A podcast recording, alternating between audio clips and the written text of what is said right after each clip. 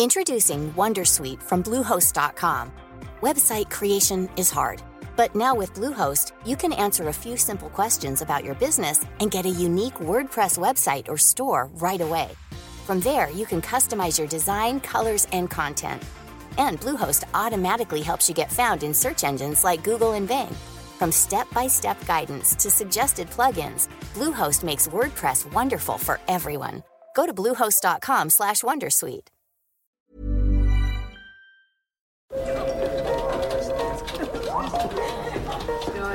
Dette er lyden av norsk næringsliv.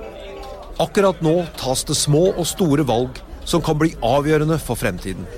Med økonomisystemet X-Leger tas disse beslutningene basert på informasjon i sanntid, slik at drømmer og ambisjoner kan bli virkelighet. Få kontroll og oversikt, gå inn på xledger.no.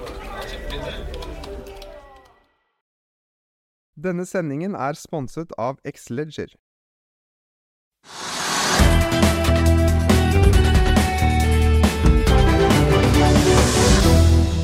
Velkommen til Økonominyhetene. Vi er tilbake etter en sommerferie og starter høsten med ny frisk med første gjest ut, Jan Ludvig Andreassen fra Eika. Men først så skal vi til Oslo Børs og i dag er vi ned 0,4% etter det man må kunne si var en ganske turbulent forrige uke i markedene. Ja, jeg syns det har vært turbulent i hele sommer.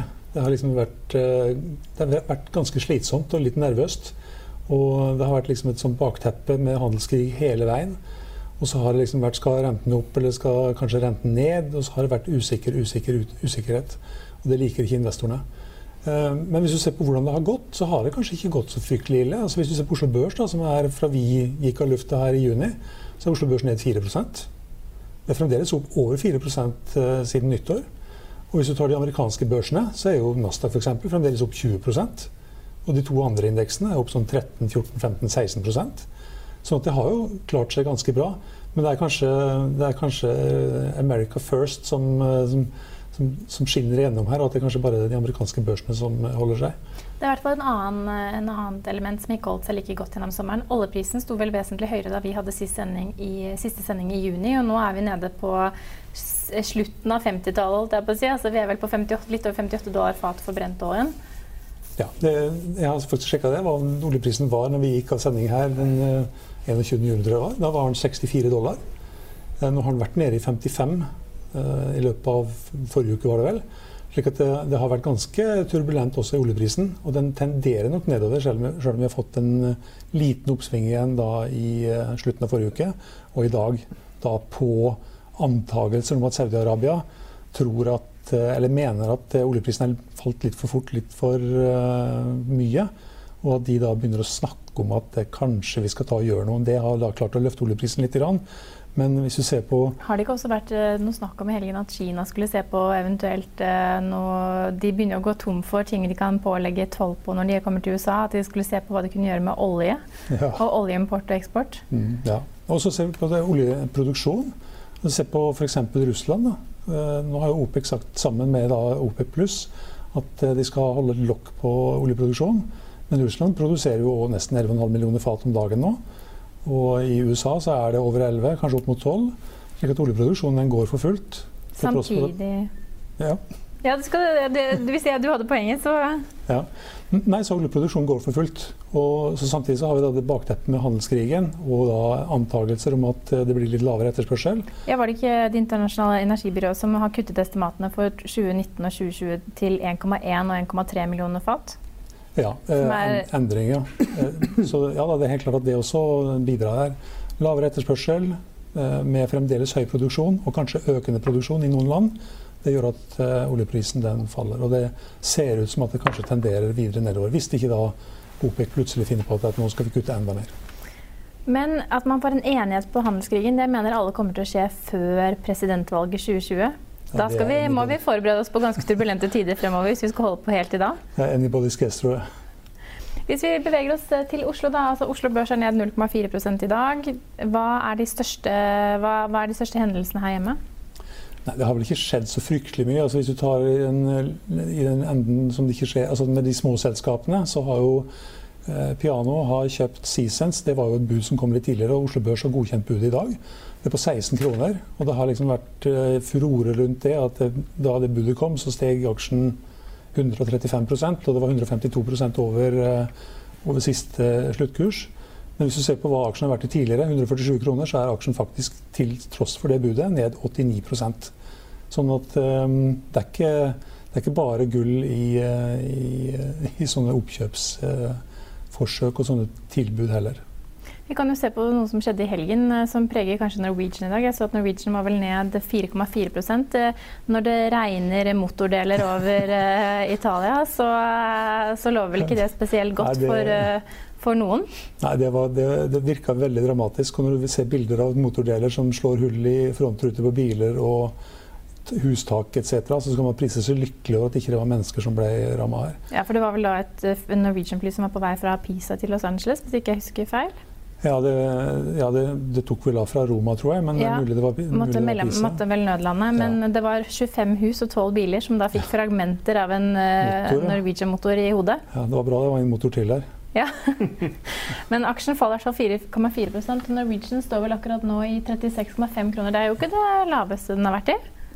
Nei, den har vært lavere, men uh, det har jo vært en sånn liten periode i sommer at den har vært liksom over 40 kroner igjen.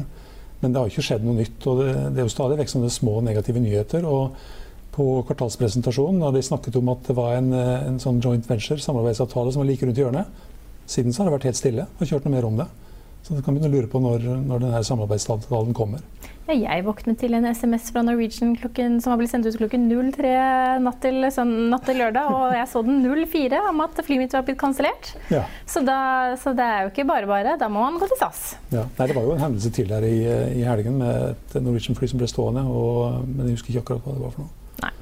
Vi kan jo også ta med at ABG tar vel opp Equinor fra 210 til 220 kroner på, på kursmål og gjentar kjøp på aksjen. Mens i oljeservice så går det litt trått i dag. Både Subsea 7, TGS og PGC er ned mellom 1 eh, til 3% Ja, og Equinor kan vi jo si litt om. altså 210 kroner, det høres jo litt sånn fantastisk ut og litt sånn langt frem i tid akkurat nå i hvert fall. Med oljeprisen som er på litt på vei nedover. Og hvis du ser på Equinor, så har det nesten vært en katastrofe hittil i år. Aksjen er ned 20% fra, fra, fra nyttår. Eh, og vi har jo sett det også litt i andre, men eh, vi har faktisk et lyspunkt i olje også. Det er noe faktisk litt opp i dag. Ja. Og så har vi NRC Group som kvitter seg med selskaper verdt flere hundre millioner mens aksjen faller. Ja. Det var en sånn designvirksomhet innenfor, eller i hvert fall en designbusiness innenfor, innenfor selskapet. Da tror vel kanskje investorene at det var litt dumt, eller at prisen var litt for lav, kanskje. Kvestel la frem tall i helgen. Det var kanskje ikke noe sånn kjempenyhet i, i, tallene, men det var eh, ikke spesielt positivt på verken bunnlinje eller topplinje, og aksjen faller jo da i dag ja, altså, litt grann. Ned 1,6 sist gang jeg så. Ja, jeg tror Kvistær er vel stort sett en skuffelse for de aller fleste, tror jeg. Det er liksom, den hauses opp hele tida, men den uh, er en tung aksje. Liten aksje òg. Vi har en liten aksje på toppen av vinnerlisten i dag også. Target Everyone, opp 25 okay.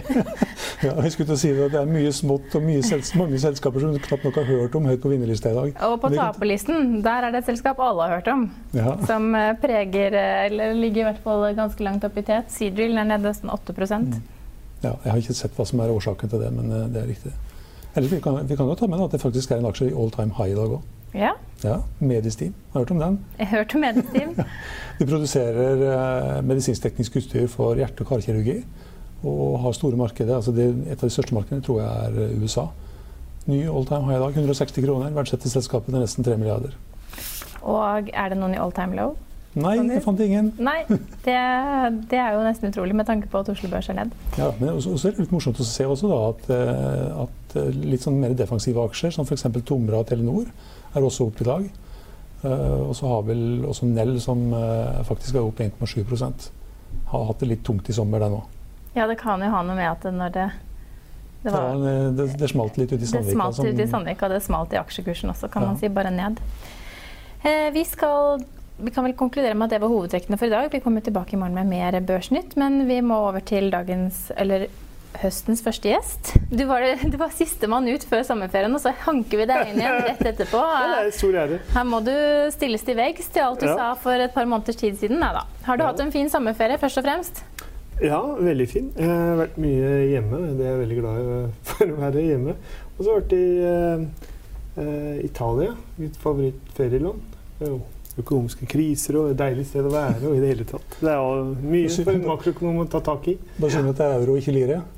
Det var, ja, ja, ja, det var dyrt i år. Men når du er Altså, du slipper vel ikke makroøkonomien helt for deg om du drar på ferie? Nei, tvert imot. Jeg eh, bruker veldig mye av tida på å lese meg opp og tenke over året som gikk, og året som kommer.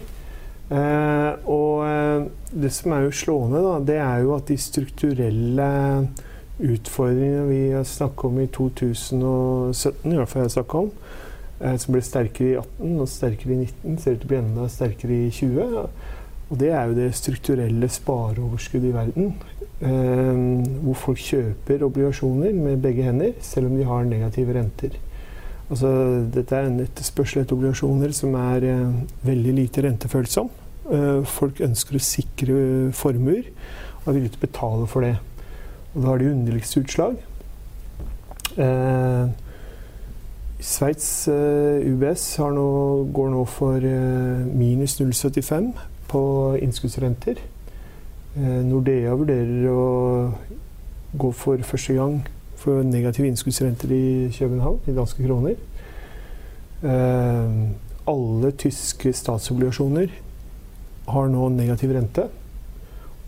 Hvis det holder seg, så vil om noen år den tyske stat tjene mer på å legge ut lån enn det vi tjener på å eie obligasjoner i oljefondet for flere tusen milliarder kroner.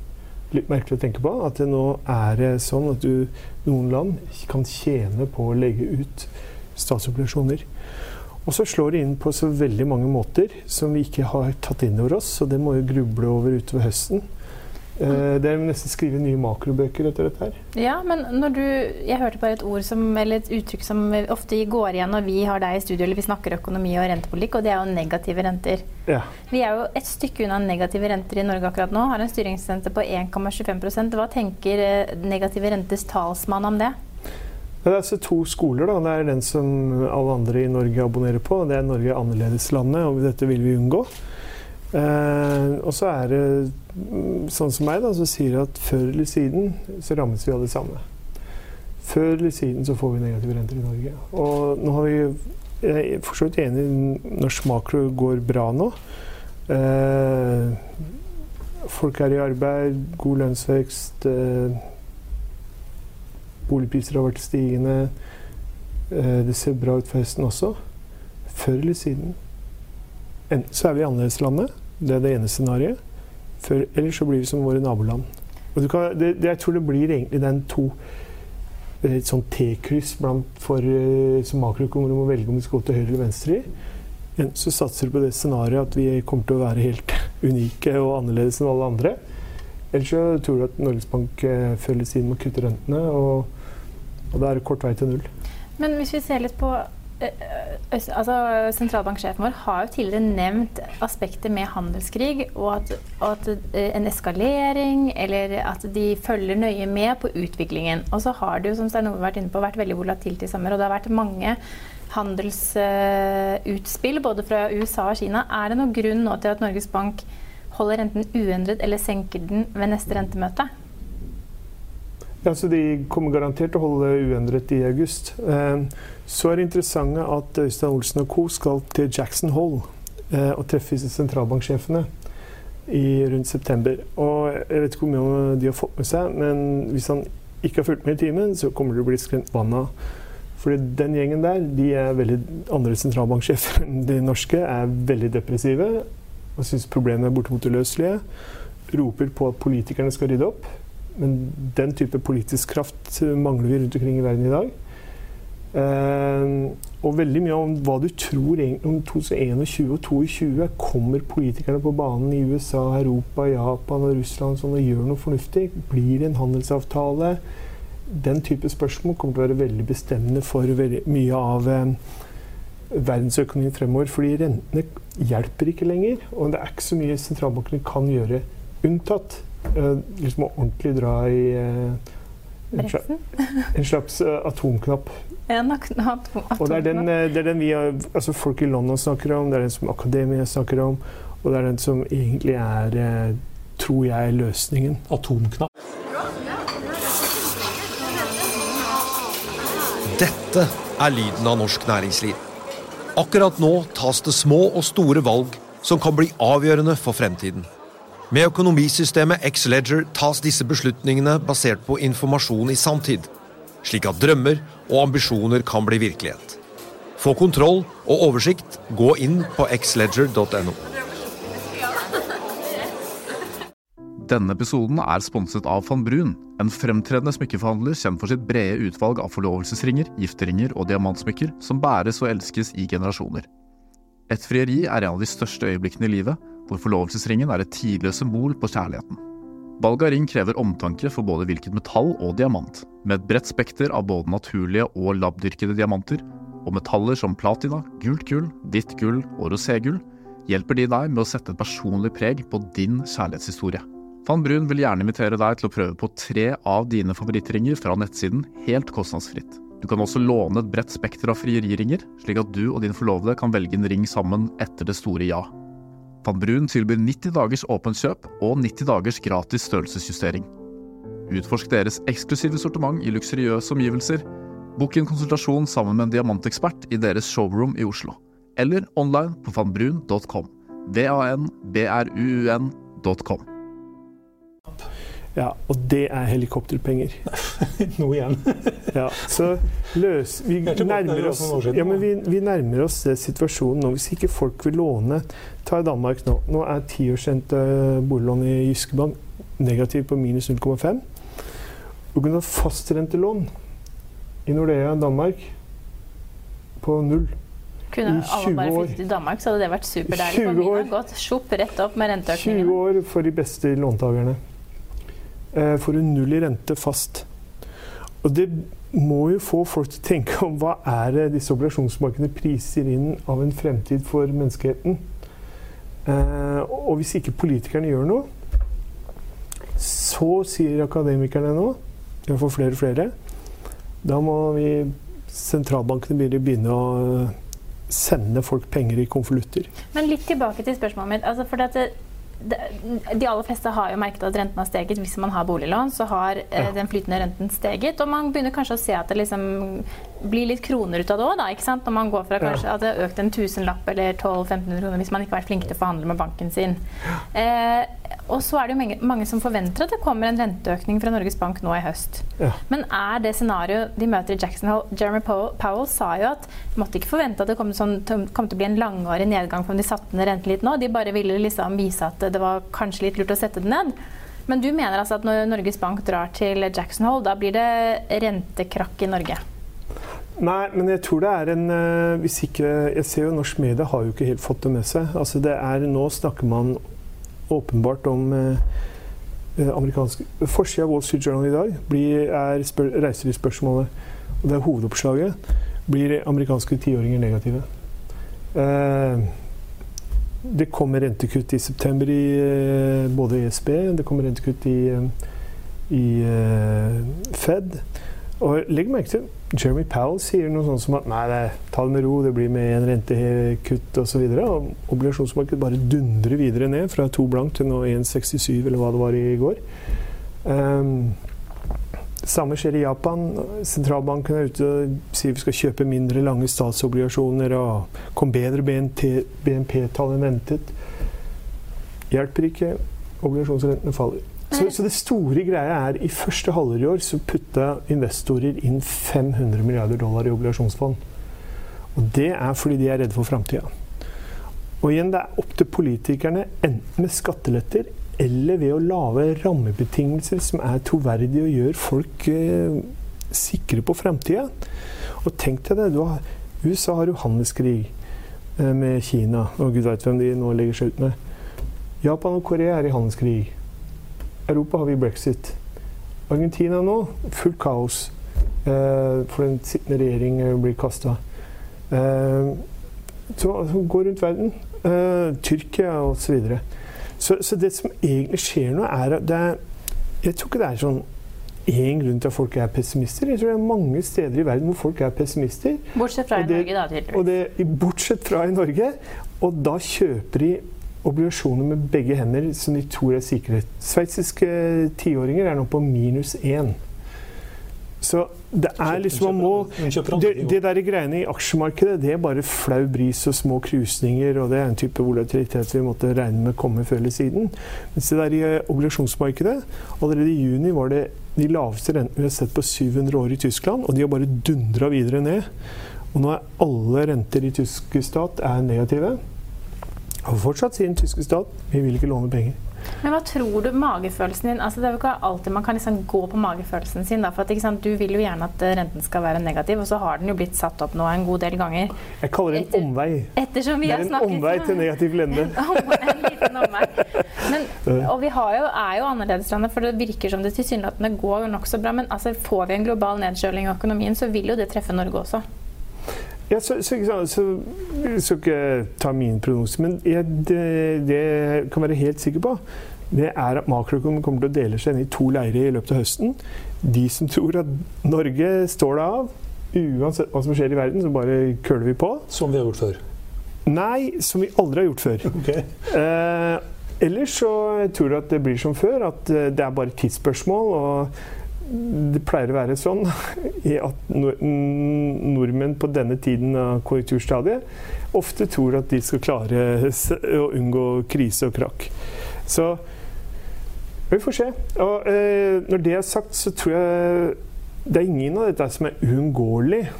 Eh, hvis det nå var sånn at Tyskland la om og ga masse skatteletter, hvis det var sånn at Storbritannia kom tilbake til EU, hvis det var sånn at det ble gjort en hvert fall en handelsavtale som er til å leve med da, for to konkurrerende supermakter.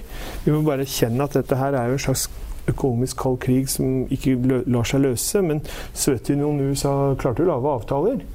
Og hvis liksom, politikerne gjør bang, bang, bang, bang de fornuftige tingene, så kommer tilliten tilbake til markedene, så begynner man å investere, så roer rentemarkedene seg, og så løfter børsene seg. Så, så det er eh, hvis, hvis men det som skjer nå, er jo egentlig litt resultatet av at uh, dette ikke slår til. Da. Politikerne er litt sånn nå uh, har, har, du kjøpt gull? Nei. Jeg, jeg Legg merke til Ray Dalio, som er uh, verdens ledende som makro-hedgefondforvalter. han, og han har aldri gjort dette før.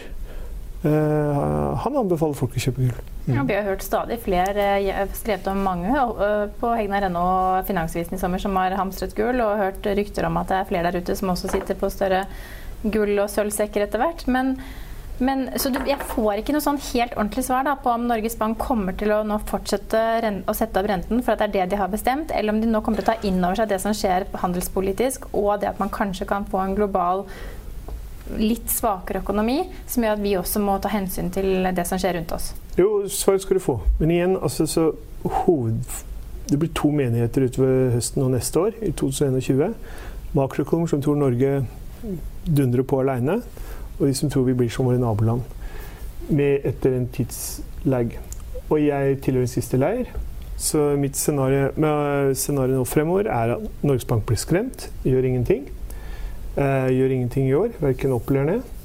Uh, og så gradvis så siver inn i norsk næringsliv, siver inn i boligmarkedet, siver inn av alle blir litt mer forsiktig. Uh, og så modnes økonomien. Og så er det sånn en eller annen gang i 2020 eller 2021 så får vi et rentekutt. Og det vil jo ikke hjelpe på noe som helst. Og så må man begynne å kutte hardere og hardere. Hva gjør Jan Ludvig Andreassen i det her bildet her? Jeg sitter i ro. Nei, så, så det du skal huske helt riktig? Nei, men så Poenget her at Det som er jo poenget, da, det er jo at uh, Nei, altså for det første så Det eneste jeg har, er den derre pensjons... Disse fripolisene og et hus. Uh, og det som er da poenget, da, det er jo at uh, Uh, man får ta den risken man kan leve med, tenker jeg. Og, og, jeg skal bli pensjonist på 20 år, så det er veldig vanskelig å, å, å, å liksom gjøre noen dramatiske grep. Uh, men, men, hvis alt har negativt Og så er det sånn, der, sånn ting, da. Jo eldre du blir, jo eh, mer aksjer, lavere aksjeandel bør du ha. Men det er klart hvis, bør, bør, hvis børsen faller 3-4 så, så, så blir det lavere aksjeandel jo eldre jeg blir. Nei, litt flaut, men nei, jeg anbefaler ikke folk å gjøre dramatiske grep. og øh, hvis du tar sykliske aksjer, så er jo de prisa veldig hardt ned. BMW er jo nesten gi bort-pris. Og det er jo fordi at eh, og, det er klart at Hvis det blir plutselig en løsning med handelskonfliktene, så går det jo til himmels. Så, så det er jo man, man, jeg, så, så, igjen, altså Dette jeg snakker om nå eh, det tror jeg er konsensus i markedet. Jeg tror jeg prisa inn i internasjonale markeder alt det jeg har sagt. Det er på forsida av Wall Street Journal, det diskuteres i Financial Times. Helikopterpenger også. Åpent og fritt, og hedgefondforvaltere foreslår det. Syns det er en veldig god idé for å redde økonomien. Kom igjen, sentralbanker, dele ut penger til folk. Alt dette her er jo i en viss forstand scenarioer som er prisa inn i markedet med en, en viss sannsynlighet. Og en måte å tolke sommerens børsuro på, er jo at det er en økende sannsynlighet altså for et sånt scenario som ligner på noe av det vi har sett i Japan, eh, med en europeisk vri her og en amerikansk vri der. Men det er altså lav vekst, lav inflasjon, evigvarende lave renter. Å diskutere om det blir negative før eller siden, men mitt tips er at vi får det om noen år. Men hvis alt gir negativ GIL, mm. bortsett fra aksjer, da må du være i aksjer, da? Da må du være i aksjer. Ja, det er så... Det er derfor aksjemarkedet ikke har falt mer. Det er jo fordi at uh, alternativet er tyske stat på minus 50 basispunkter. Mm. Um, gull som ikke gir noe avkastning? Og gull som Var ikke din sjef som yndret å fortelle meg at gull er tull? men Nei, altså, du, men du ser jo nå en helt annen type makrokomisk virkelighet spile seg ut. Nå er det ikke så kjempenytt. Dette er jo egentlig veldig mange av de samme, det beslektede problemstillinger det vi hadde på 30-tallet. Og Kanes var jo ute og sa at vet du hva, det der med renta det kommer ikke til å påvirke aggregert etterspørsel. Eh, ikke i tilstrekkelig grad. Du må bruke skatteletter. Du må gi folk penger fysisk. Og Grunnen til at helikopterpenger kommer jo på, på lista her nå, og ønskede tiltak, er jo politikerne nekter å gi skatteletter. De nekter å bygge bruer. De nekter å bygge veier i Europa. Tyske finansministeren nekter å bruke en cent ekstra. Og det er da hedgefondforvalterne peker på at da må sentralbanken gjøre et eller annet. Og når ingen vil investere, ingen vil låne penger selv om det er gratis, og folk driver og hamstrer eh, sveitsiske statsobligasjoner på minus 1 så er en mulig løsning det er rett og slett å sende folk penger i posten eller på internett. Men fra det store, litt dystre bildet, hva med norske boligpriser? Ja, så det er jo eh, Det jeg har sagt lenge, er at i reelle termer så vil de falle. Og hva vil det si? At eh, de vil ikke klare å holde tritt med lønns- og prisveksten. Og så i første halvår var de uventet sterke. Så boligbyggingen uventet sterk. Så tilbudet økte til høyere priser. På etterspørselssida så ble det mindre befolkningsvekst og stigende boliglånsrente. Så da er det egentlig satt opp for en ganske sånn litt ugly eh, høst eh, for boligmarkedet. Og Det der greiene som skjedde i vår, det skal korrigeres. Og så var jeg nede i Vestfold. Vestfold falt 3% i juli. Eh, så enkelte deler av Norge så har denne korreksjon begynt.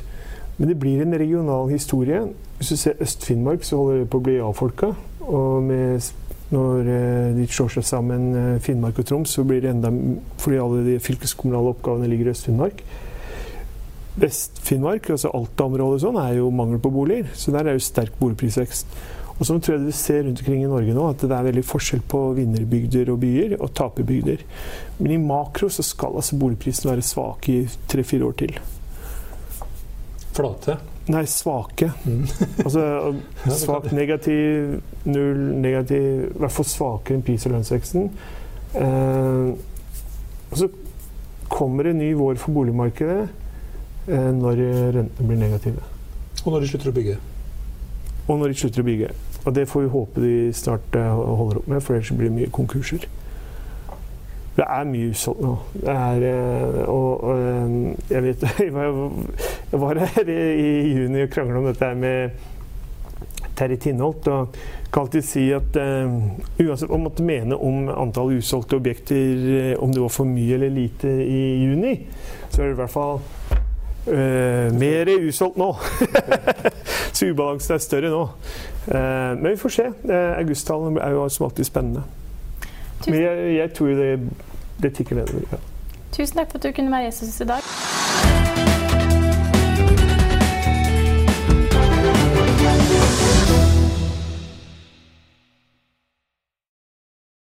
Denne sendingen er sponset av X-Leger. Join us today during the Jeep Celebration event. Right now, get 20% below MSRP for an average of 15178 under MSRP on the purchase of a 2023 Jeep Grand Cherokee Overland 4xE or Summit 4xE. Not compatible with lease offers or with any other consumer incentive offers. 15,178 average based on 20% below average MSRP from all 2023 Grand Cherokee Overland 4xE and Summit 4xE models in dealer stock. Residency restrictions apply. Take retail delivery from dealer stock by 4 1. Jeep is a registered trademark. Økonominyhetene er en podkast og videoproduksjon fra Finansavisen. Programleder er Marius Lorentzen. Aksjekommentator er Karl Johan Molnes. Produsent er Bashar Johar. Podkast- og videoansvarlig er Marius Mørk Larsen. Og ansvarlig redaktør er Trygve Hegnar.